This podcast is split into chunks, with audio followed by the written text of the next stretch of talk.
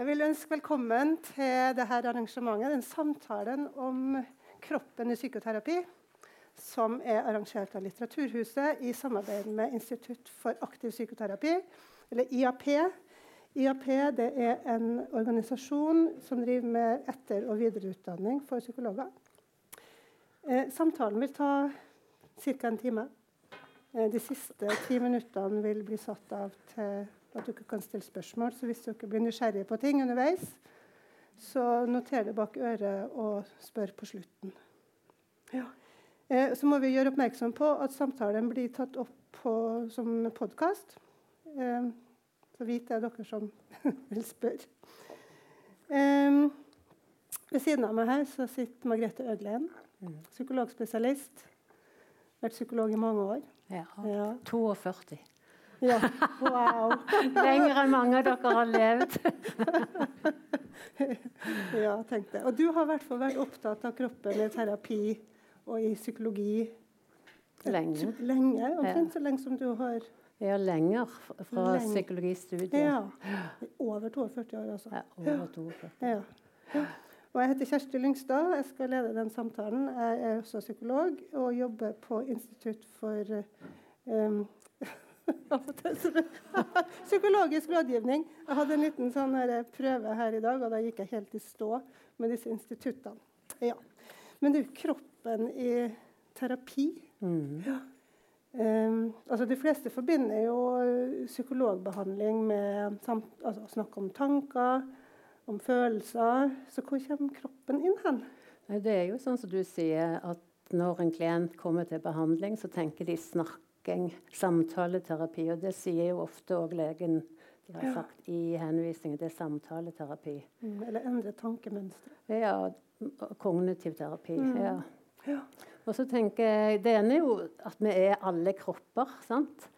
Når jeg sitter her med dere, så kjenner jeg jo litt sånn skrekkblanda fryd. Og hvor skal jeg se, og hvor skal jeg ha tyngdepunkt i min kropp?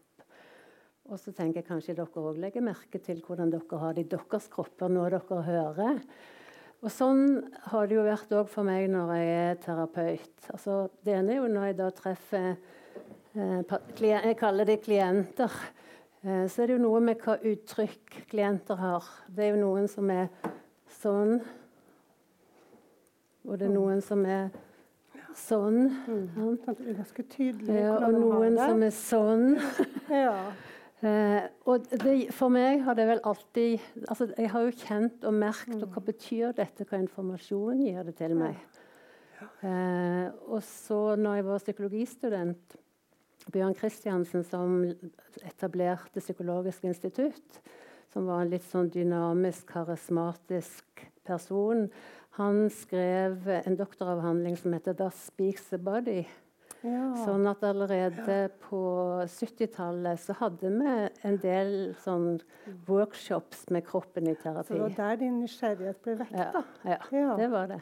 Men det her er jo altså 70-tallet, hippietid. Kan ikke du si litt om hvordan, hvordan det var? Jeg går ut ifra det var mye som var annerledes både om hva man tenkte, og hvordan, hvordan kroppen i terapi også var ja. på den tida. Ja, og jeg tenkte litt på når jeg kom inn her, så var det bare sånne røde lys. Dere så kanskje det er dere som kom tidlig. Og det var litt sånn Red Light District. Det var litt sånn, Jeg tenker at kroppen i terapi var litt sånn Det var det litt sånn snuskete, det som en var skeptisk. Ja. Var, for der var det nakenhet, det var i unniken, og en hadde kroppslesning, og det føltes avslørende. Og ja, var det, sånn terapi i unniken? Ja. Wow. for det, det var kroppslesning. Jeg skulle, en hadde en tanke om at kroppen kunne vise hva en hadde opplevd av traumatiske og vanskelige opplevelser opp gjennom livet. Mm. Og at det kom til uttrykk som en type kroppsholdning. Sånn at kroppen både var noe som beskyttet sant? og holdt igjen når en ble overveldet. Og det var noe som skjulte, men det var òg noe som liksom da kunne gjemme noe ganske skummelt noe. Komme til uttrykk. Mm. Jeg tenker litt sånn, eh, Det er en bok som er skrevet av Kirsten Benum og Trine Anstorp som heter 'Fare utenfra og fare innenfra'. Hvor skal jeg være? Altså, det er skummelt, både det som er fra utsiden fra kroppen, og det som kjennes fra innsiden. Ja, På hvilken måte da? For det, hvis det ene er at vi kan bli redd for å bli sett og avslørt, og hva ser andre? Og spesielt hvis en da går i det en tenker dette er kroppsorientert terapi, de vet mye om eller vi vet mye om hva kroppene skjuler. Mm. Så en har jo ikke lyst til å bli avslørt, Nei. og heller ikke på den tiden. Men da var det litt sånn for at terapeuten skulle kunne vise, lese hva kroppen har vært gjennom, så var det noe med at vi sto i unniken og lot oss avlese. Hvordan var det, da? Nei, det var ganske fryktelig, syns ja. jeg. Ja, det syns jeg. Og jeg tenker at mange som òg gikk i terapi, da, det ble skremmende på den ene siden, men det var jo òg noe befriende. Mm. For en ble kjent med kroppen som òg noe som hjalp. Noe som kunne uttrykke mm. noe. Det var ikke bare noe en måtte kontrollere. Da tenker jeg også en, enda litt lenger tilbake i tid. Det er til en mann som heter, eller het Wilhelm Reich, ja. som var i Norge fra 35 til 39 har jeg 34, jeg har pugget det. 34? ok. Ja. Og han, han, han, var i den nærmeste kretsen til Sigmund Freud. Ja, ja. det var han. Og Freud ble begeistra for han fordi han var veldig opptatt av kropp, veldig opptatt av seksualitet. Og han ble veldig opptatt av orgasmens plass ja. i sånn menneskelig fungering, tror jeg. Ja. Så var han i Norge og. Hadde en sånn gjeng rundt seg og fikk ganske mye å si. Ja, for det, Freud var jo òg i utgangspunktet opptatt av kroppen. altså ja. Psykologens far var jo nevrolog sant, og jobbet mye med det han kalte hus, altså hysteri. Mm. Og I begynnelsen så, tenkte, så, mente Freud at hysteri, det som kvinner kjente av kroppslige fornemmelser, det var kroppslige spor, minner, etter bl.a. seksuelle overgrep. Det han, skrev han på 1890-tallet. Mm. Og så var det jo noe med at han jobbet med det øvre borgerskapet i Wien. Det var døtre eller det var koner. Så det ble ikke populært. sant? Så han, han, vent, ja, han vendte seg mer til det intrapsykiske mm. og hva det var for drifter og konflikter som en person hadde. Mens, mens Reich var jo opptatt av han var opptatt både av dialektisk marxisme som undertrykkende samfunn, mm. struktur, og at hva det gjorde med kroppene til de personene han jobbet med. Og Reich jobbet både med det fine borgerskapet, men han jobbet òg med det han kaller ubemidlede. Altså, ja. Det var et prosjekt i forhold til å jobbe med folk fra arbeidsledige, der han så hva skjer med folks kropper når de ikke har jobb, når de ikke har penger, når de har for lite mat. Så han satte mye mer eh, samfunn og kropp og psykologi i en sammenheng. Og det var jo noe av det som gjorde at han ble måtte utvist litt og måtte flykte. Først fra Berlin, og så til Danmark, og så til Sverige, og så til Norge, og så til USA. Ja. Men så, det, det, var et radioprogram her i høst, tror jeg det var, mm -hmm. eh, om psykologiens historie. En, som heter, en journalist som heter Kraft. Mm -hmm. ja. eh, og, det, og, det, var jo et ganske fascinerende program. Og der var det jo mest fokus på de med spesielle sidene ved han. Ja. Um, og jeg fikk jo inntrykk av at der var det også mye nakenhet. Det var jo sånn tidlig sånn hippietiden på 30-tallet, på en måte. Ja. og der, der, var det terapi om dagen og fest om kvelden og um, seksuelle forhold og terapi. Altså det var veldig løssluppent. Ja, og det var jo mange kulturradikale forfattere. Sigurd Holand, Øverland, ja. Rolf Stenersen som, som ble engasjert av både det politiske, men òg det psykologiske. Og så var det mange psykologer, altså Ola Raknes, Harald Skjeldrup, som skrev 'Det skjulte mennesket' på 70-tallet, eller 60-tallet var det kanskje. Altså Som ble opptatt av sammenhengen mellom eh, personers ytre liv, hvordan påvirkes vi, og hvordan, hvordan preges kroppen av de opplevelsene vi har. Mm. Ja. Ja. Så vil jeg tro at det er noe som har blitt litt tydeligere når det gjelder rammer og grenser ja. med årene. Ja. ja. og jeg tror mye av forandringen eh, For det som var innenfor kroppspsykoterapi Nå snakker jeg jo veldig generelt om det som det er ensarta. Det var det ikke. Det var et mangfold av ulike metoder. Men, men, metodene handler om hvordan hjelpe personer til å forløse sitt undertrykte. Hvordan få det vegetative, det autonome nervesystemet til å fungere mer i balanse, sånn at en kan uttrykke følelser og si sin mening. Eh, men mye av psykoterapien på den, siden, på den tiden og psykoanalysen, det var det som vi kaller enpersonspsykologi. Det var liksom Terapeuten var den nøytrale, distanserte, og det var bare klienten som var i fokus. Så du, du, du er eksperten? Ja, og det ble litt sånn, det var jo òg et ideal om at terapeuten skulle være nøytral. Sant? Ingenting skulle vises på terapeuten. Det handlet bare om klientens møte med seg sjøl. Og alt det som skjedde i relasjon til terapeuten, det var noe som klienten brakte fram som en overføring. Eh, og når vi da Eller jeg var jo med på ja, 80 slutten av 80-tallet. Jeg òg var litt i den skolen i begynnelsen. Og mm. viktig å foreslo øvelser for klienten og ba de få ut følelsene og slå på en madrass og si hvor forbanna de var på moren og på faren liksom for at de skulle forløse sinnet. Ja. Men det så var jo at mange ble jo reddere følelsene sine. Ja. Eller at en bare agerte de ut uten tanke på òg når de var hjemme. For det var så viktig å få ut det de følte. Ikke så rart, egentlig, når det, var, når det ikke var noen der til å ta imot det. Ja. Ja. Men vi tenkte det var litt sånn katarsis-modell. Ved å få det ut, oh, så ble vi befridd. Og det er jo noen klienter som tenker bare jeg får tømt meg, så blir det mm. bedre. Men det gjør jo ikke det. Vi trenger jo en måte å regulere det vi kjenner i kroppen, og de følelsene vi har. Nå snakker jeg og snakker, ja, jeg kommer ikke ja, til ord. ja. Nei, det, det, du som skal få snakke. Jeg skal bidra. Så sitter jeg litt sånn og lurer på kan, Nå er jeg ikke helt sikker på, jeg vet at det er en del psykologer her, sikkert psykologistudenter også. Mm. Og så tenker jeg, hva, hva, vet man Jeg vet ikke hva forsamlingen vet så mye om psykoanalyse eller katarsis eller Det kan de jo spørre om. Ja, etterpå, etterpå. De kan spørre om etterpå. Ja. Ja. Men forskjellen er i hvert fall sant? Som jeg sa, mm. det var én persons psykologi. Uh, innenfor utviklingspsykologien, og det var flere av de som også jobbet innenfor kroppsorientert psykologi, som var opptatt av utviklingspsykologi, Nick Wall f.eks. Mm. Pluss at det er flere av de uh, norske litt eldre, enda eldre enn meg, terapeutene, som sa når vi, når vi iscenesetter situasjoner der klientene skal ta ut det de føler, så blir det en utagering. Det blir ikke en forløsing. Sant? Det blir en agerer ut følelsen, altså en like anspent etterpå.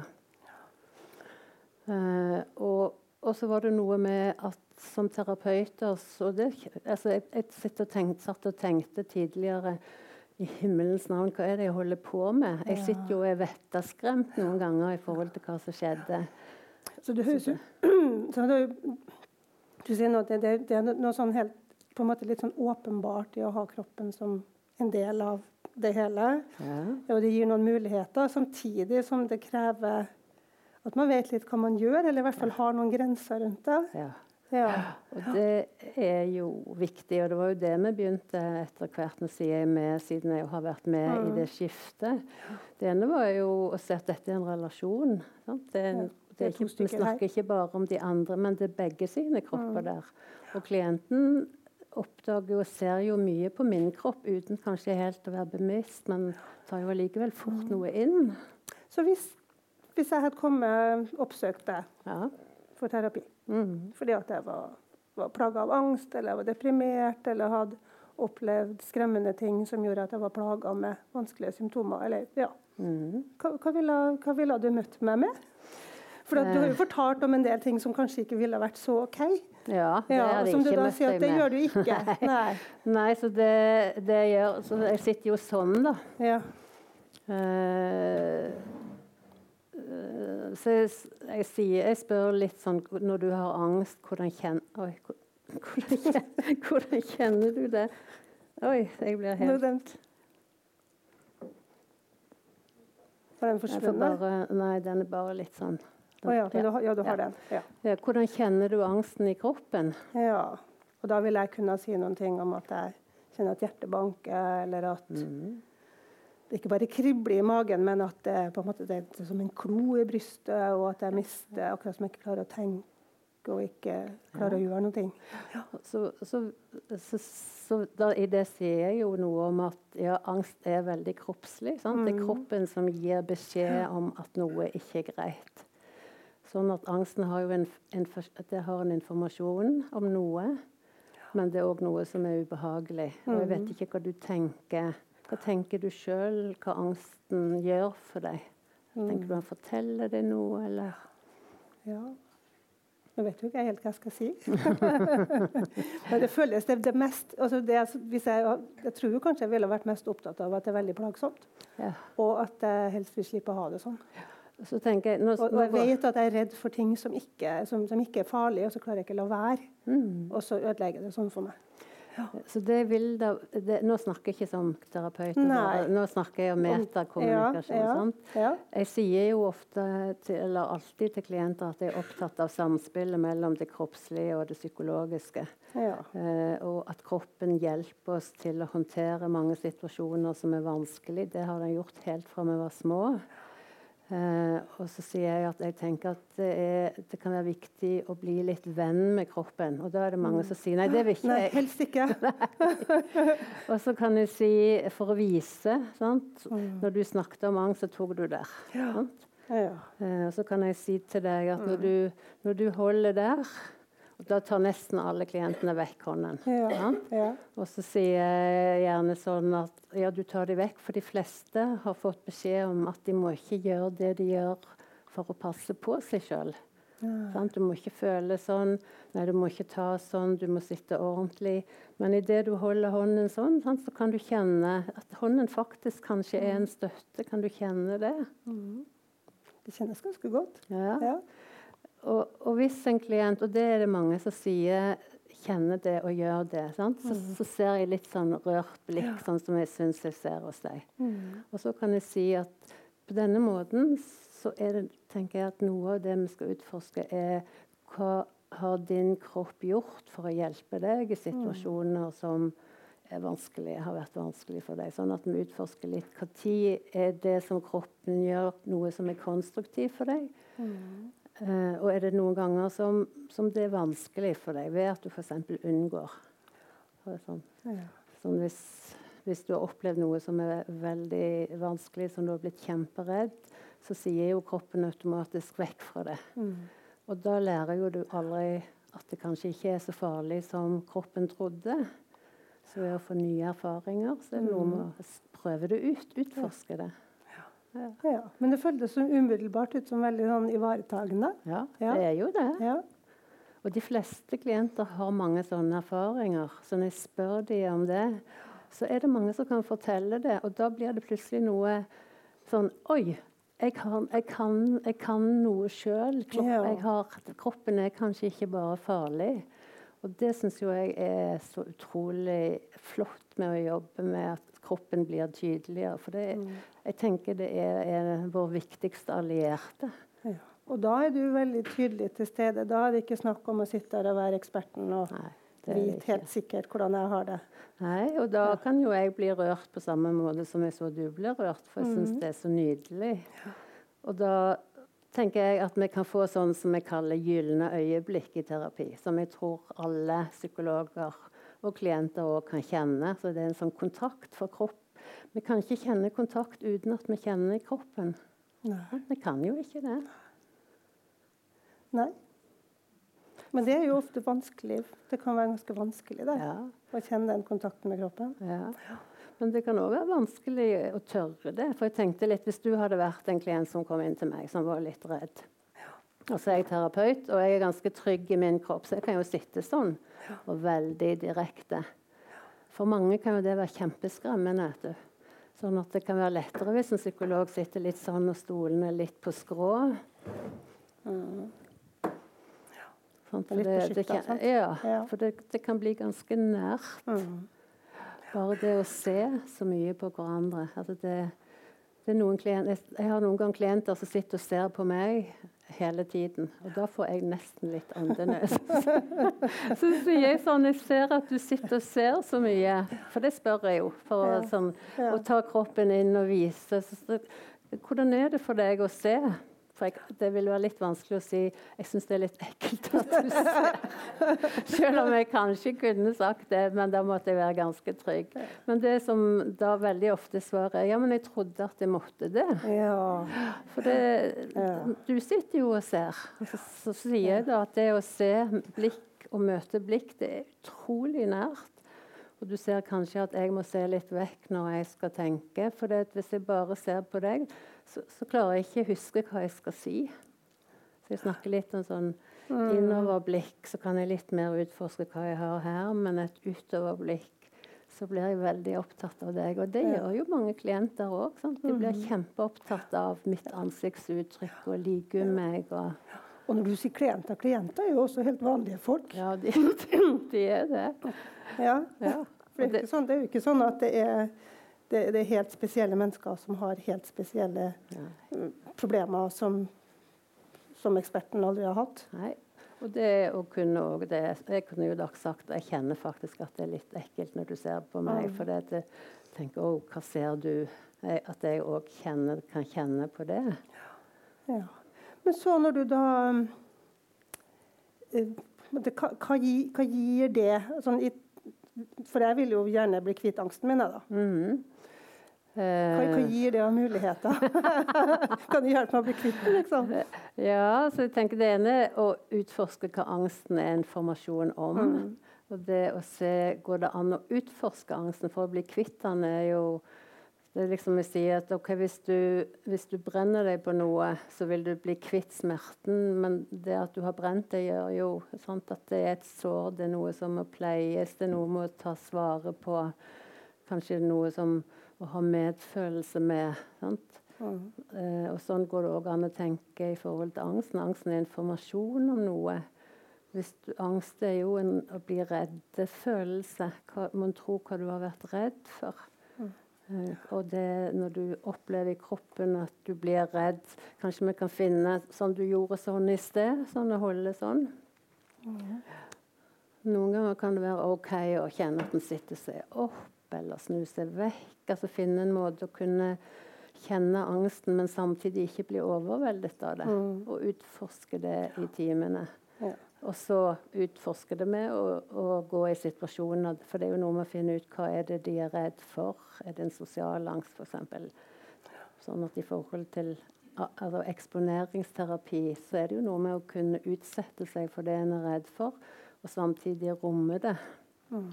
Så, så, så oppfatter jeg rett, så høres det litt ut som at du bruker kroppen både som å øke informasjonen eller oppmerksomheten om hvordan det er å være menneske, mm. det er menneske. Ja, ja. Men også en måte å bruke kroppen til å roe seg sjøl, ja, uten, uten å tenke at man skal bli kvitt plagen. Ja. Å regulere og bli kjent med eh, Er det bedre å stå hvis jeg er redd, eller å sitte, eller å se vekk? Ja. Lære hvordan kan en romme det uten å bli overvelda. Mm. Ja. ja. Det er spennende, da. Mm. Ja. ja. Det skal jeg se litt på. ja, ja, nei, ja, nei, ja, nei, for det er noe med at jeg kan bare snakke og snakke og snakke. Sant? Så det, du har tenkt hva som er viktig å spørre om, og da skal du, vet du gjøre det. Min fordel er at jeg har visst at du ville komme til å si ganske mye. det, det roa min angst, hvis jeg kjente deg fra før. Vært mm. såpass at jeg visste at det var fint å snakke med deg. Så dermed så behøvde ikke angsten å bli så sterk. Mm. Ellers så kunne den blitt der. Litt sånn um, altså Når man er opp du har jo på en måte du har sagt noe om det, men, men, eh, men jeg vil spørre likevel. Altså, så, jeg vil jo tro at man har en del tanker om hvordan eh, kroppen og psyken har utvikla seg. Og så vil jo det handle om det, Da vil det være ulike teorier. Noen mener sånn, og noen mener sånn. Mm. Eh, men jeg ser jo for meg at både når man, når man har smertefulle eller gode mm. eh, erfaringer, så vil det på en eller annen måte kunne ha virkning på kroppen på samme måte som på psyken. Ja. Men også hvis kroppen skades, eller hvis du Ja. blir syk, så vil det gjøre noe med psyken. Kan ikke du si litt om det? ja Hvordan du tenker? Det var et stort spørsmål, altså. Ja. Ehm. Altså I forhold til Det er så svært at jeg vet ikke helt hvordan jeg skal sentrere det. Men hvis, jeg tenker, hvis vi snakker litt i forhold til traumer, f.eks. Ja, ja, for eksempel. Mm. Eh, For det der er en, et traume er en, en opplevelse eller en, en påvirkning som har vært så overveldende kroppslig og følelsesmessig og tankemessig at eh, jeg tenker, da, da aktiverer det kroppens overlevelsessystem i forhold til å flykte, hvis en kan det, eller å slåss hvis makten ikke er for stor. Eh, gå i free, som er òg en aktiv forsvar på et vis, en stevne. Eller på en måte at det er så overveldende at den kollapser. Eh, og mange klienter som har opplevd traumer, så eh, Det de ikke vet, er jo at gjennom det de har opplevd, så har kroppen lært mye av det som er skummelt. Sant? Sånn at de har utvikla et enormt beredskapssystem, eller beredskap på alle nivåer i forhold til fare. Ja. Eh, Så at nervesystemet er litt sånn på høygir, sånn, ja, Mm. det, kan jo kalle, kalle det hypersensitivitet Ja. på en måte. Ja. Eh, og så er det jo noe med at de da kanskje reagerer på noe utenifra som de er helt uforberedt. Det kan være en lukt, f.eks. Det kan være en stemme. Det kan være en følelse i seg. Sånn at, eh, at de ofte kan få en opplevelse av at verden er farlig. Sant? Som en sånn må passe på hele tiden. Og en utvikler bekymringstanker på alt som kan gå galt. Men litt sånn at man blir bare utrolig redd for ting som ikke er farlige, og av og til Ja, så som av og til trigges det av ting som du ikke er forberedt på i det hele tatt. Ja, og så er det nesten så en slutter å vite hva som er ikke er farlig lenger. Ja. Sånn? For det Mm. kan en ikke kjenne. Eh, sånn at når en klient Og de kan komme for de har en generell angst, for eksempel, som de ikke forstår. Eh, og, og hvis jeg da vet, og de forteller at de har opplevd ulike Det kan være store ulykker, det kan være mor som har vært alvorlig syk, det kan være et, en søsken som er død, det kan være voldelige eller seksuelle overgrep. Så forteller jeg en del om hvordan kroppen har reagert i situasjoner. Og at kroppen er et hukommelsessystem og et læringssystem. Sånn at, men en del av de bevisste minnene det at jeg kan huske det forsvinner, men kroppen husker. Og da blir på vakt hele tiden. På hvilken måte husker kroppen det? Er det nervesystemet som husker, eller er det musklene? Eller hva er det som husker? det, det vet en jo ikke helt, da. Hva er det som husker? Det er kanskje en sen, altså Da er det mer inn på det nevrobiologiske, og det har en jo nå Siden jeg begynte med nevrobiologisk forskning, så vet en i hvert fall litt mer av hva er det som skjer i kropp og hjerne, Mm. og når en får en triggeraktivering. Men hvordan dette her virker i forhold til det hormonelle, det tenker jeg, det skal jeg ikke si. det vet vi. Det, vet, det, det, det, ikke det helt heller, mer om siden. Ja, ja. Ja. Men det som jeg blir opptatt det er at jeg forteller igjen sånn for å snakke om at kroppen har vært noe som har hjulpet til å overleve. Selv når en på en måte har kollapsa eller dissosiert, Mm. blir borte fra seg sjøl. Eh, og så det jeg da begynner å i hvert fall se om det er mulig å snakke om, det er i hvilke situasjoner har en som voksen eller som barn opplever noe som en er litt mindre redd for. Ja. Altså For å se er det mulig for denne personen å, å huske noe eller vite noe her og nå som, som gjør at en føler seg enten litt mindre redd eller litt tryggere eller kan kjenne lettelse. For så er det noe i dette nervesystemet sant, som kan gi noe som vi trenger mer plass til. Men da er vi på hukommelse. På hvilken måte kobler du inn kroppen da? Eh, for det, om de da F.eks. en som eh, vokste opp i et voldelig hjem som det var kjempevanskelig å være hjemme. Mm. Eh, og så jeg spurte var det noe som du husker som, som, liksom, som var litt OK. Og så kom jeg plutselig på at naboen bakte boller av og til, og det å kjenne den lukten mm. Og når hun fortalte det, så, så kunne jeg jo se. Ja. Og da kjenner jo jeg òg det. Sant? Og da, og, da, forsterker den opplevelsen ja. i forhold til åh, oh, dette har vært viktig. Jeg kan se at det har vært viktig for, for mm. deg. For da ser du det på hele hennes ja, måte? Ser, ja, og slappe av på, eller ja. bli varm ja, eller berørt ja, ja, på? det og blikket. Og, og, da, og, det gir jo òg personer håp, for alle, tenker jeg, selv om en er i beredskap hele tiden. Hvis vi ikke har dødd, så har vi noe som har hjulpet oss, som òg kan kjennes kroppslig.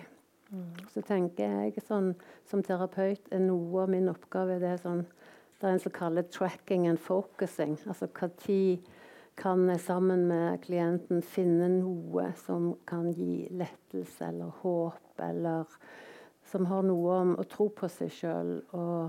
Jeg er ikke bare ødelagt. Jeg gjør ikke bare negative ting. Det er ikke noe feil på meg. Altså virkelig sånn mm. Se om det går an å få, å få, det der til å blomstre litt mer. Ja. ja. Og det må gjøres med mer enn ord. Ja. ja. ja. Det, kan jo være ord som berører. sant? Ja. Uh, så det er ikke det at Ja, for det er jo ikke det at det ikke er ord.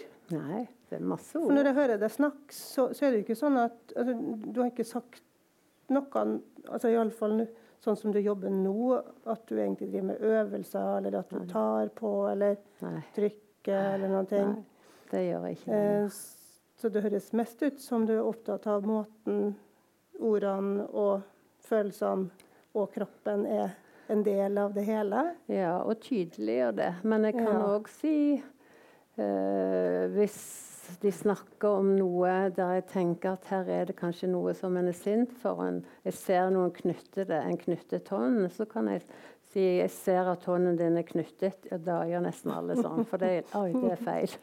det er så flott. Kroppen din kjenner at her er det en følelse. Føler, kan du kjenne sinne? Nei, jeg kan ikke kjenne sinne. Hvis du ser på hånden din, og den skulle snakke til deg, hva, hva tror du den ville si? Så det kan jeg gjøre. Ja. Ja. Eller uh, hvis noen sitter sånn når de snakker, ja. altså, så, så, kan jeg si hvordan er det for deg å gjøre sånn, så stopper de. Så hvis du bare utforsker litt Nei, det, kanskje du egentlig har behov for å stikke av herfra. At kroppen egentlig har lyst til å gå. Ja. Så det kan jeg gjøre. Ja. Og jeg kan òg si eh, komme med forslag sånn hvordan vil det være for deg å reise deg hvis de snakker om noe og jeg ser at de er helt spent og nesten ikke får puste. Eller kan, vil du ha et glass vann? Eller så, så, jeg gjør sånne småøvelser. Ja. ja. Men det gjør jeg jo at jeg jobber ganske mye i samarbeid med psykomotoriske behandlere. Ja, for det var en av de tingene mm. jeg også tenkte på. Mm. fordi at uh, på, på, hvilken måte, Hvor møtes disse tradisjonene? Ja. For psykomotoriske behandlere det er jo fysioterapeuter i utgangspunktet, ja. men som jobber mer psykologisk, eller Ja, i hvert fall mer i samspill, ja. tenker jeg. Og, ja, hva blir forskjellen da på den tilnærmingen de har, kontra det du har? Uh, de har jo en helt annen kunnskap enn i hvert fall jeg har om uh, både om muskulatur, altså hva er spent muskulatur, er det noe som er underspent, hvordan kan en jobbe med pust og holdning. Mm. Eh, og så syns jeg at det er på en måte OK å dele det. Det betyr jo ikke at det er enten-eller. For det har jeg ofte samarbeid med, og vi snakker sammen om klienter og kan også ha fellesmøter med. Mm. Men, men det, altså noen klienter trenger faktisk hjelp til å ja. bli tatt på for å kjenne. Det er kanskje noen som, som sier kan du bevege en arm, så vet ikke de helt hvordan de skal gjøre. For det at de, de, husker, de klarer liksom ikke å lage en forbindelse hvis de tenker på det. Hvordan kan det ha blitt sånn? Og det går jo an å liksom forestille seg at det kan være at det de har over, opplevd som barn, er så overveldende at det er nesten som de ikke er hjemme i sin egen kropp. Samtidig er det jo det, for mange kan jo fungere, men samtidig har de ikke en opplevelse av. Og da tenker jeg, og det er det jeg tror i hvert fall for meg ble vanskelig tidligere, at det i det ene øyeblikket å sitte med klær på og snakke med terapeuten, og i det andre øyeblikket ligge på madrass og bli trykket på, det blir ganske komplisert i forhold til hvordan, hvordan terapeuten eller hvordan klienten opplever meg. Så det at det er ett rom som en kan jobbe mer direkte med kroppen, og så kan vi snakke om i timen med meg hva en opplevde, og kan kanskje gjenta noen av de samme øvelsene for å lage ikke en splitt, men mer en integrering. Ja, okay. Ja. Ja, så du, men, men da samarbeider du faktisk ganske ofte? Ja, jeg gjør det. Ja, jeg Mm. gjør det. Og jeg, jeg, jeg syns jo at psykomotorisk behandling er enormt undervurdert eh, i forhold til å hjelpe folk til mer vitalitet og ja, bedre livskvalitet. Men Betyr det at det er lite, altså er det lite tilbud av Ja, det er få, og det er ikke så mange som kjenner til det. Og det er lange ventelister. Enda lenger enn hos oss, tror jeg. Enda lenger? Ja, Ja. og vi avisene sier at det er fryktelig lange hos oss. Ja. Ja. ja. ja. tror, nå, det, det som jeg begynte å spørre om, det, det, det er veldig interessant å høre deg snakke. Det, og, og jeg vet ikke helt om vi starta på eh, spørsmålet mitt en gang. Altså, men, men du har jo i- altså, I introduksjonen til denne samtalen så står det noen ting om hva betyr det at noe setter seg i kroppen. Og det, På en måte har du jo sagt det, men samtidig så altså, Vi, vi snakker om at eh, stress setter seg i kroppen, eller altså, hvis man har hvis man har vondt i magen og man ikke finner noen fysisk grunn til det, så kan det være noe som har satt seg i kroppen. Eller det er, man kan ha vondt i skuldrene, eller man kan ha vondt i hodet. Um, jobber du mye med sånt? Uh, ja, for jeg prøver jo å finne at, at klienten finner en sammenheng, sånn at de sjøl Ja. utforsker sin egen kropp. For jeg tenker jo at når det gjelder fø det, Alle følelser må det må skje En kan ikke føle uten å kjenne noe i kroppen. Så det er jo ikke det er jo ikke en forskjell mellom følelse og det å kjenne noe i kroppen. For en kropp En følelse har alltid somatiske markører. Ja. Det var en psykolog som sa på kurset at nei, du kan godt kjenne følelser uten å kjenne noe i kroppen, men det kan vi jo ikke. Eh, og det er jo noe det barn lærer forhåpentligvis av foreldre. Sant? Hvis en skal til tannlegen, så har jeg vondt i magen. Ja. Og så kan foreldre si ja, men det er fordi du er redd, og det blir snart bedre, og jeg kan skjønne at det er litt skummelt nå. Sant? Sånn at ved å bli snart både å få et ord for hva en kjenner i magen, så får en en bevissthet og lærer at ja, kanskje det magevonde følelse. Og med en gang en blir forstått og møtt på det, så er det nesten som det kan smelte litt sånn. ja. Men hvis en har fått beskjed om at ja, dette går bra, og må ikke du være sånn pyse Det kan være, og- være redd for. ja, så, så, så Ja. trenger så Muskulaturen spenner seg sjøl for å beskytte. Sant? Den stålsetter seg. Og det er jo ikke for vi bestemmer oss til, men det skjer. Så akkurat hvis du, hvis du da får lov til å være redd, så gjør det ikke vondt lenger. Det gjør jo vondt å bore. Ja. Jeg blir ikke så redd. Ja, det er noe med at Det å være redd er. OK. Ja, Ja. ja. Eh, og så sier jeg jo at det at det setter seg i kroppen når du jobber altfor mye, det, det, er jo, det er jo en overlevelsesstrategi. Det vil jo være forferdelig hvis det ikke setter seg i kroppen. For da kjenner jo ikke du dine egne grenser i forhold til hva du tåler. Eh, og, og derfor er det noe med å bli venn med. Når du får vondt i nakken, eh, så kan du gå til fysioterapeut eller psykomotorisk behandling. Men hvis du jobber akkurat like mye og gjør akkurat like mye på fritiden, ja, så kommer det så For kroppen stålsetter seg for å klare. Mm. Så det blir litt sånn eh, hvordan, hvordan lytte det kroppen sier, da, Ja, fremfor å fjerne vondtet. ja det gjør det. Ja. Men det er jo det i den der boka der med vrangsidene ut. Mm. Så, nei, Full spredning. Unnskyld, det var en annen bok. det. full spredning av Nina Lykke. Ja. Der hun er fastlege. Hun sier hun hater det der med at alle blir så opptatt av å kjenne på kroppen, for da kommer jo de til legen for alt det de kjenner, tror de er vondter. ja. Sant? Eh, For det er jo det som er lett å tro, og vondter skal vi ikke ha. Nei. De må vi bli kvitt. Men det å Ja, hva, hva kan disse vondtene fortelle meg, og hva jeg trenger? ja. Det, jo, det, kan være litt fremmed å tenke sånn, for det er jo som om vi skal mestre alt og fortsette å mestre alt. Ja. Ja. ja, og selv om jeg vet alt jeg vet, så holder jeg jo på, jeg òg. Ja. Jeg har hørt. ja, det er ikke så lett å um, være snill med seg sjøl. Nei, det er ikke det. Nei, men kroppen gir beskjed hvis man lytter. Mm. Ja. Mm. ja. Eh, men, men er, altså Man kan jo tro at psykologer kan se Mm. syn, litt synsk. Ja. Og du, um, ser, du går du rundt og ser på folk hvordan de har det? Nei Nei, det gjør jeg jo ikke. Det vil jeg bli helt utslitt for. Men jeg Ja. tror nok eh, Jeg har nok utvikla eller finkultivert mitt sansesystem. Sant? Ja.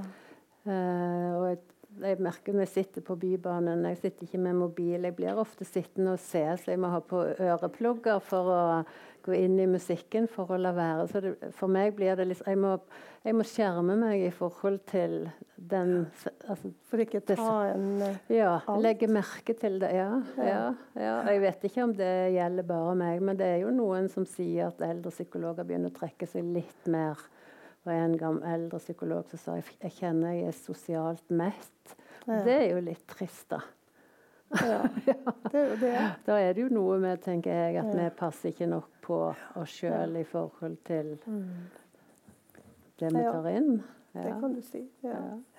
Du sa, du sa noen ting i sted. En, altså, en som hadde sagt på et kurs at det gikk an å føle uten å kjenne noen ting i kroppen. Mm. Er det noe, hvem er helt uenig med deg? Eller er det noen som er helt uenig med deg at kroppen har en, spiller en rolle når det gjelder hvordan vi har det, og hvordan vi skal tilnærme oss i terapi? Nei, det tror jeg. Altså, Hvordan vi skal tilnærme oss, er vi jo litt ulike i synet Ja. på. Og det er jo mange metoder. Og jeg tenker det er viktig at vi som terapeuter er oppmerksom på hva fokus vi har, og hva som er intensjonen, formålet med å jobbe Ja. og si noe om kroppen. Men på en helt annen måte så er jo nå kroppen en del av emosjonsfokusert behandling, intensiv korttidsdynamisk behandling, mentalisering basert Mhm. behandling, mindfulness, kognitiv behandling. Sånn Bare bli svimmel.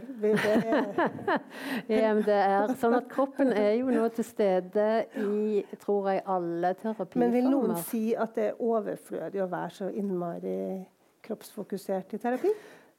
For det, er jo slett ikke alle som er så Nei, det er det ikke. Og det er jo òg noe med Jeg tenker jo at det er viktig for meg. For det, det er jo det er ikke alle klienter som syns at, at de vil ikke inn på den kanalen. Ja. Og da er det jo viktig å respektere det. Uh, og det handler veldig om hva er det som er klientens problem og ønsker og behov. Og jeg tenker eh, Det som er viktig, er jo at vi som terapeuter at vi vet hvordan vi ønsker å jobbe og presentere det for klienten, sånn at vedkommende kan si nei, dette passer ikke helt for meg. Så tenker jeg Kanskje du skulle gått til mer en kognitiv terapeut, Ja. som fokuserer mer på har hovedfokus på tanke. Ja. ja. Men det er ikke sånn at uh, kognitive terapeuter vil si at det, det du er opptatt av, er bare tull, eller for mye av det gode, eller Eh, Det vet jeg ikke. Det kan jo godt være. Men det er litt sånn, for det er òg noe med hva klientgrupperen vi Mm. jobber med. Ser meg at de ser på klokka. Eh, Jeg veileder psykologer som jobber i Bergen landsfengsel. Eh, og som jobber kanskje med klienter som har store sinnemestringsproblem, sedelighets ja. Dømte. Og jeg tenker òg psykologer og sykepleier, miljøpersonell som jobber på avdeling der det er mye utagering. Sant? Klienter som lite kan romme sine egne følelser. Så det er klart at, at både som, som psykolog eller miljøpersonal så kan vi ikke gå og kjenne hele tiden, for da blir vi så overveldet at vi blir Det er derfor jeg sier jeg hadde ikke klart å jobbe på en sånn avdeling. Så det er litt sånn å sense, og det er jo, altså, der er jo mange tenker Sykepleiere er ganske gode på å sense når det er en mulig utagering. Så det blir litt sånn å sense mulig fare, og hva kan vi gjøre for å forebygge. ja. Eh, og òg i forhold til klienten så er det litt sånn å hjelpe klienten til å mestre det de opplever. Tenke konkrete strategier. Eh, sånn at hvis, hvis vi skulle jobbet sånn som jeg sier i forhold, Det ville være mange som ville få feil behandling hvis det fikk Ja. så stort fokus. Ja, det er kjempeviktig. det, egner, det egner seg ikke for alle? Eller? Nei, ikke sånn i sånn at det var hovedfokus. Nei, Men, nei. men å bruke altså eksempel Hvis en jobber med, med klienter som har et sinnemestringsproblem og jobber kognitivt, så kan de lære mange gode strategier. Men i en situasjon der de blir forbanna og det bare smeller til, så kan de jo glemme det som de har lært å tenke. Ja. Og det å lære de å håndtere hva skjer da når du glemmer det du tenker, og hvordan kan du bruke konkrete strategier om det å gå ut eller eh, drikke vann eller gå på trening. Altså lære noen aktive, for det trenger, det trenger alle. Atferd, rett og slett. Ja. Og atferd, da er jo kroppen der. ja. Det er kroppen som gjør. Ja, og det tenker jeg òg når for de som jobber med klienter som har, som har mye uregulerte følelser, trenger jo òg å finne en måte å beskytte seg. Mm. Ja. Så du, det Ja, nå måtte jeg bare kikke litt på lappene mine. ja. Eh, det er veldig fint å ha noe å holde i hånda, det er ikke så lett å bruke dem. Nei. Nei. Ja. Jeg tenkte um, uh, Jeg mista, jeg mista den tanken. Men, altså, jo, men er, det, er det noen det Er det noen det egner seg altså Er det på en måte klientgrupper eller, eller problematikk eller noe sånt som, som du tenker at det egner seg spesielt godt, eller det er spesielt viktig da, Altså, og å involvere kroppen? Selv om du egentlig så sier du at vi gjør det på, på ja, ulike altså det er mer å vis. bli Jeg tenker det er mer som psykolog Det ene er jo å bli bevisst, for det alle psykologer tror jeg er bevisst den andres kroppsuttrykk Mm. på en måte, eller hva inntrykk form av den andres uttrykk. Eh, og hvis vi da står fast i en situasjon i forhold til en klient, hvis vi skal jobbe med eksponering f.eks. I forhold til sosial angst, og klarer ikke å motivere vedkommende til å gjøre det. Ja, og, og, og våge seg ut og utforske liksom, i en på en fest eller på en kantine. Eh, så er det jo mange som sier ja, jeg vet, jeg vet at det er lurest, men jeg får det ikke til å stå fast. For at det stoppes, eller Ja. bare tør ikke. Det er Ja. så fælt. Og så, kjenner, og så kan jo jeg bli eh, tenke sånn OK, hva skal jeg gjøre her, da? For, å, for jeg blir sånn Hvordan skal jeg få denne personen til å gjøre det vi ikke vil? Ja, ja. Ja. Mm. Og da kan det være at jeg trenger å ta opp på veiledning. For med jeg har kollegaer som er veiledning, for jeg blir så ivrig å få den andre til å gjøre noe, så jeg blir litt sånn Kom igjen! ja, så du dytter dytter litt sånn, du. Ja. ja, som gjør at den andre kanskje låser seg enda mer. Mm. Eh, og bare det å snakke høyt til kollegaer og kjenne hvor irritert jeg blir over at den andre ikke gjør det som jeg vet er lurt, kan gjøre at neste gang jeg skal Mm. ha klienten, da trenger jo jeg gjøre noe med min kropp. Åh, ja, jeg skjønner jeg blir sint, men denne klienten blir jo reddere dess mer irritert jeg er, selvfølgelig. Ja, sånn at det, altså når du blir frustrert, så går du i veiledning og får kontakt inn i din kropp. Ja, At du er irritert og sint. ja. Og så kan jeg da så må du justere deg. Ja, så kan Ja. jeg møte klienten og kanskje oppmuntre på en annen måte. Kanskje vi Mhm. skal velge en litt enklere situasjon enn en fest, f.eks. Ja. Sånn? Altså, prøve å finne mer noe som er passa Mm. inn.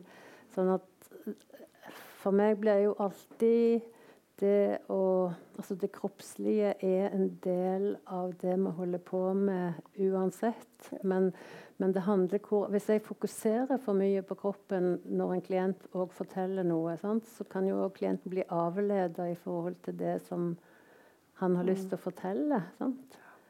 Eh, Så det er mer sånn hvor har jeg min oppmerksomhet, og det er dette noe som jeg tror hjelper denne klienten til å utvikle sine potensialer. Jeg hører jo at har Det er ganske stor forskjell på det du forteller om at du er opptatt av i dag, mm. og tilbake til 80-tallet, Ja, er der dere sto i Undiken og ble kroppsanalysert. Ja, Ja. det er det. Og jeg tenker selv, når jeg tenker tilbake på hvordan jeg sjøl jobber, så tenker jeg ah, jeg kan forstå det, det, og det er jo det samme som de som var elever fra Reich òg sier. Vi trodde på at dette var så bra, dette skulle forløse, og så etterpå ser vi nei og nei og nei. Her var det noen dette ikke var greit for. Og det syns jeg er, det er jo trist. Ja. ja. ja. For det er jo Ja. ja. Det har faktisk gått 50 minutter. Mm. Ja. Mm. Det samme som en time, det, omtrent. Ja. I terapi, altså. ja, hvis man klarer å passe tida. Ja. ja. det er sant. Ja. Skal vi um, er, noe, er noe veldig viktig jeg må spørre deg før, er det noe veldig viktig som jeg har glemt å spørre om, eller du på en eller annen måte ikke har fått mulighet til å si? Det er sikkert noe som både det er viktig ja. for å spørre om, og jeg å si noe om. Men noe du sitter igjen med? Nei, det er det ikke. Nei. Det er det heller ikke for meg. Nei. Nei. Da foreslår jeg at vi spør forsamlingen. Hva lurer dere på? Helt sikkert noen som er nysgjerrig på noe eller lurer på noe.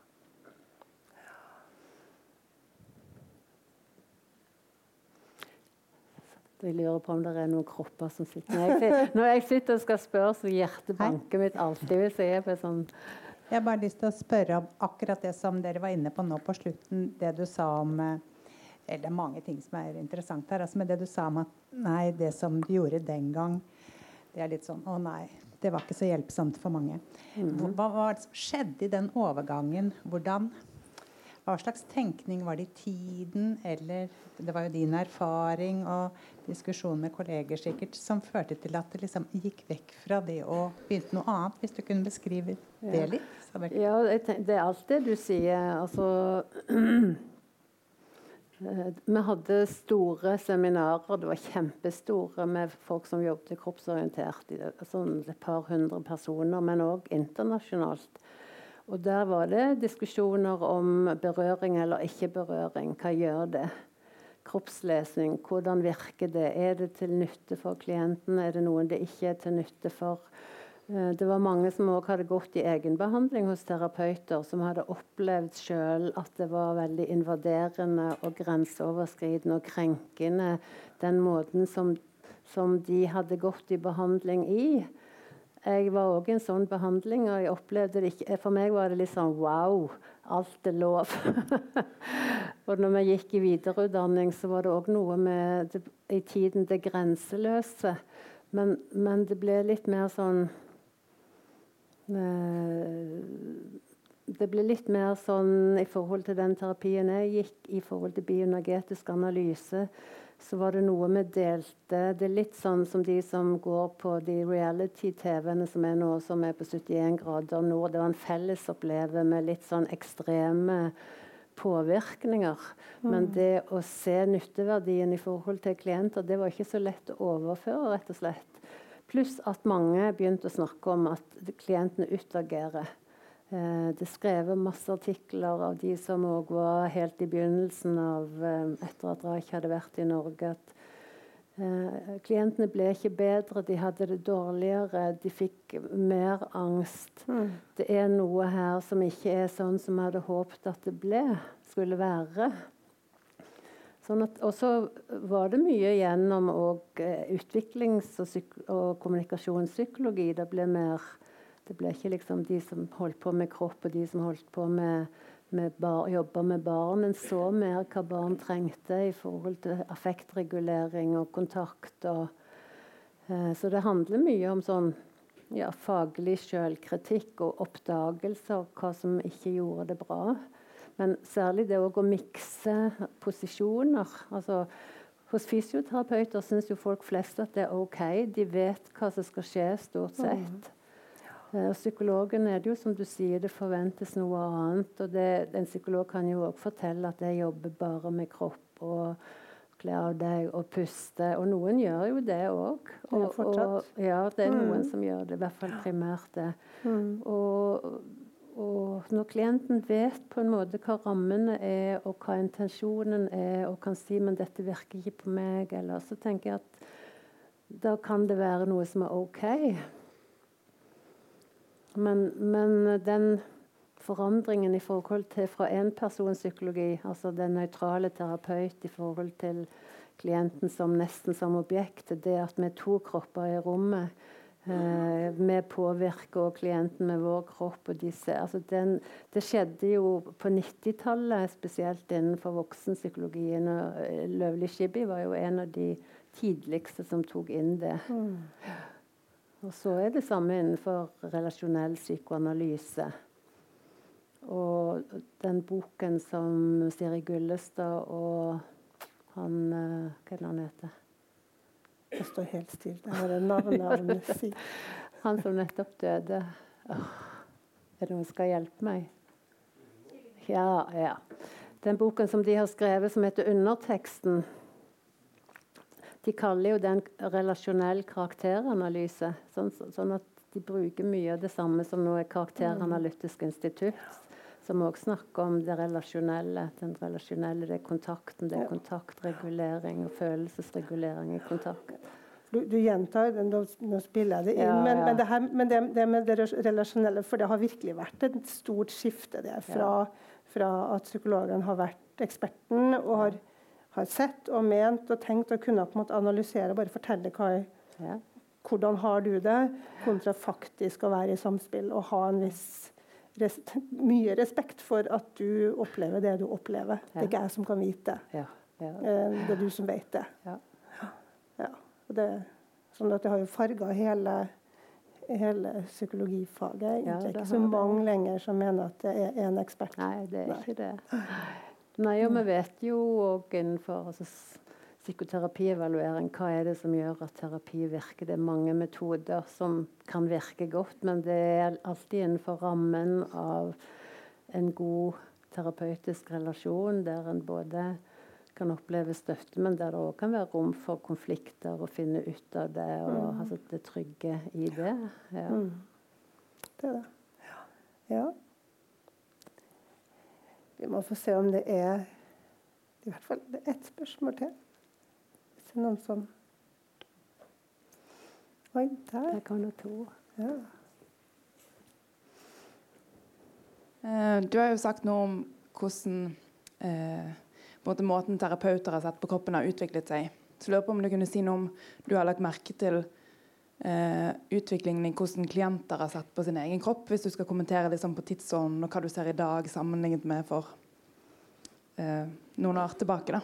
Ja, hva var det du sa, hvordan klienten Altså, eh, Hvordan eh, klienten sin måte å forholde seg til sin egen kropp har påvirket seg, hvis du ser på samfunnet i dag da, kontra liksom, tilbake i tid. For du har sagt noe om terapeuten sin reise. Ja. Så om du legger merke til at klienter blir påvirket på noen annen måte, eller ja, det tenker jo jeg. For det, det med fokus på kroppens utseende og kroppen som objekt eh, dette med å skulle reparere eller forbedre kroppen i forhold til å skjære og fylle ut lepper. Og, eh, og det har jo jeg en del klienter som vil, og som gjør, og bruker mye penger på. Eh, og jeg tenker Det nytter jo ikke for meg å si liksom at nei, kropp altså, jeg sier jo at jeg tenker at det er viktig å kunne akseptere og bli glad i kroppen sånn som man er. Men det er det jo mange som er uenig med meg i. Og det nytter ikke at det sitter en gammel terapeut på 68 og sier det, det er avleggs. Sånn at da, da, da, går jeg litt med rett og slett klienten. Altså hvis det er så viktig, og, så, og, de gjør det, de opererer kanskje leppen eller nesen, så kommer de tilbake, og så snakker vi litt om hvordan kjennes det annerledes. For hvis de da faktisk opplever at de må forandre på noe, så blir det viktig synes jeg, at de kan oppdage at det gir en effekt. For ellers vil det jo bare være noe nytt som må forandres. Så det syns jeg er annerledes. Og er, så er det mange flere som trener. Uh, og jeg jobber med ganske mange unge. Og det tenker jeg er en god ting. For det, det å snakke med dem, hva kjenner du når du trener, når du løper? Hvordan kjenner du pusten din? Hvordan kjenner du liksom styrken i beina? At det, for mange sier jeg bare trener det så godt etterpå. Og så bruker vi den, den, opplevelsen til å bli kjent med kroppen. Hvordan kjennes det? Sånn at en får mer effekt av det en gjør. Det er et spennende tema. Ja. Kanskje vi skulle hatt en time til.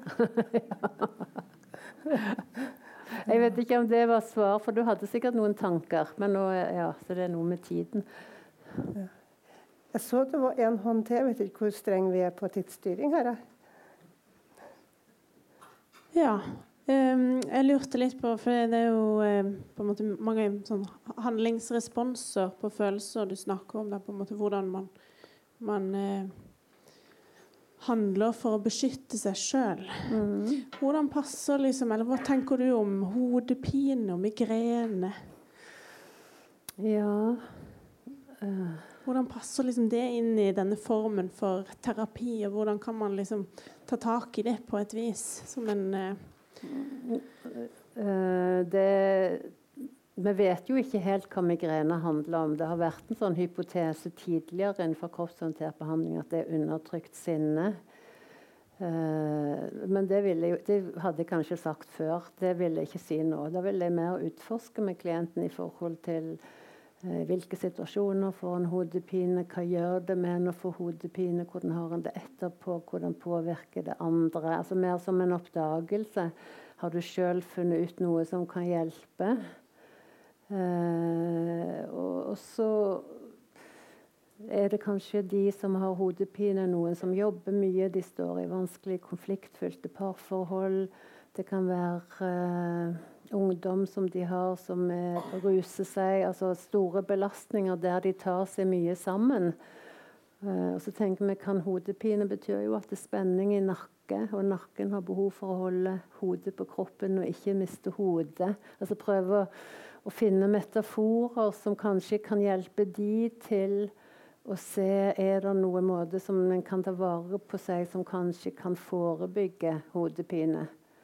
Eh, men mer som rett og slett en utforskning der jeg har veldig mye respekt i forhold Og eh, vi vet jo litt for lite om hodepine, og hva er det egentlig? Og det er jo noe med Vi kan jo psykologisere omkring kreft. Kan, sant? Det er jo, så det er litt, jeg, blir, jeg er litt forsiktig. Det er mer å hjelpe en person sjøl til å utforske hvordan preger dette ditt liv? Ja.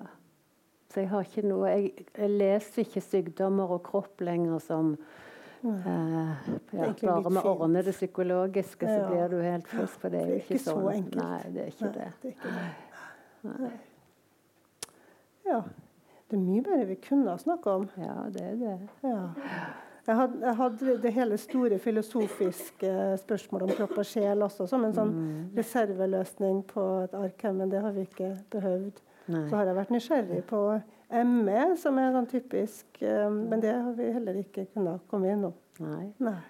Nei, jeg tenkte akkurat eh, når du sa det eksistensielle eller filosofiske, for det Sokrates sier jo sånn eh, En dialog er at sjel møter sjel under et dekke av ord. Ja, Og det syns jeg er så nydelig. For det er sant, og det kan være ord som berører, sånn, og Mm. gir kontakt, men det kan være ord som lager avstand og Mm. Ja. ja. Så det å bli spurt av deg der jeg merker så veldig god kontakt, det, det er jo veldig nydelig, det. Men det gjør jo òg at jeg kan snakke med litt hutt i pine. Hadde du vært litt sånn skeptisk, kritisk, Så. så hadde jeg ja, hadde jeg òg blitt litt mer kritisk og skeptisk. Så hadde vi stått der. Da hadde vi vært ferdig litt før. Da hadde vi vært ferdig litt før. Ja. Ja. Og da sier jeg tusen takk til deg. Det var veldig spennende. Takk Mm. sjøl. Ja. Og takk takk for alle dere som ville høre Ja. på. Det er jo fantastisk. Overveldende. Ja. Ikke helt over. Mm.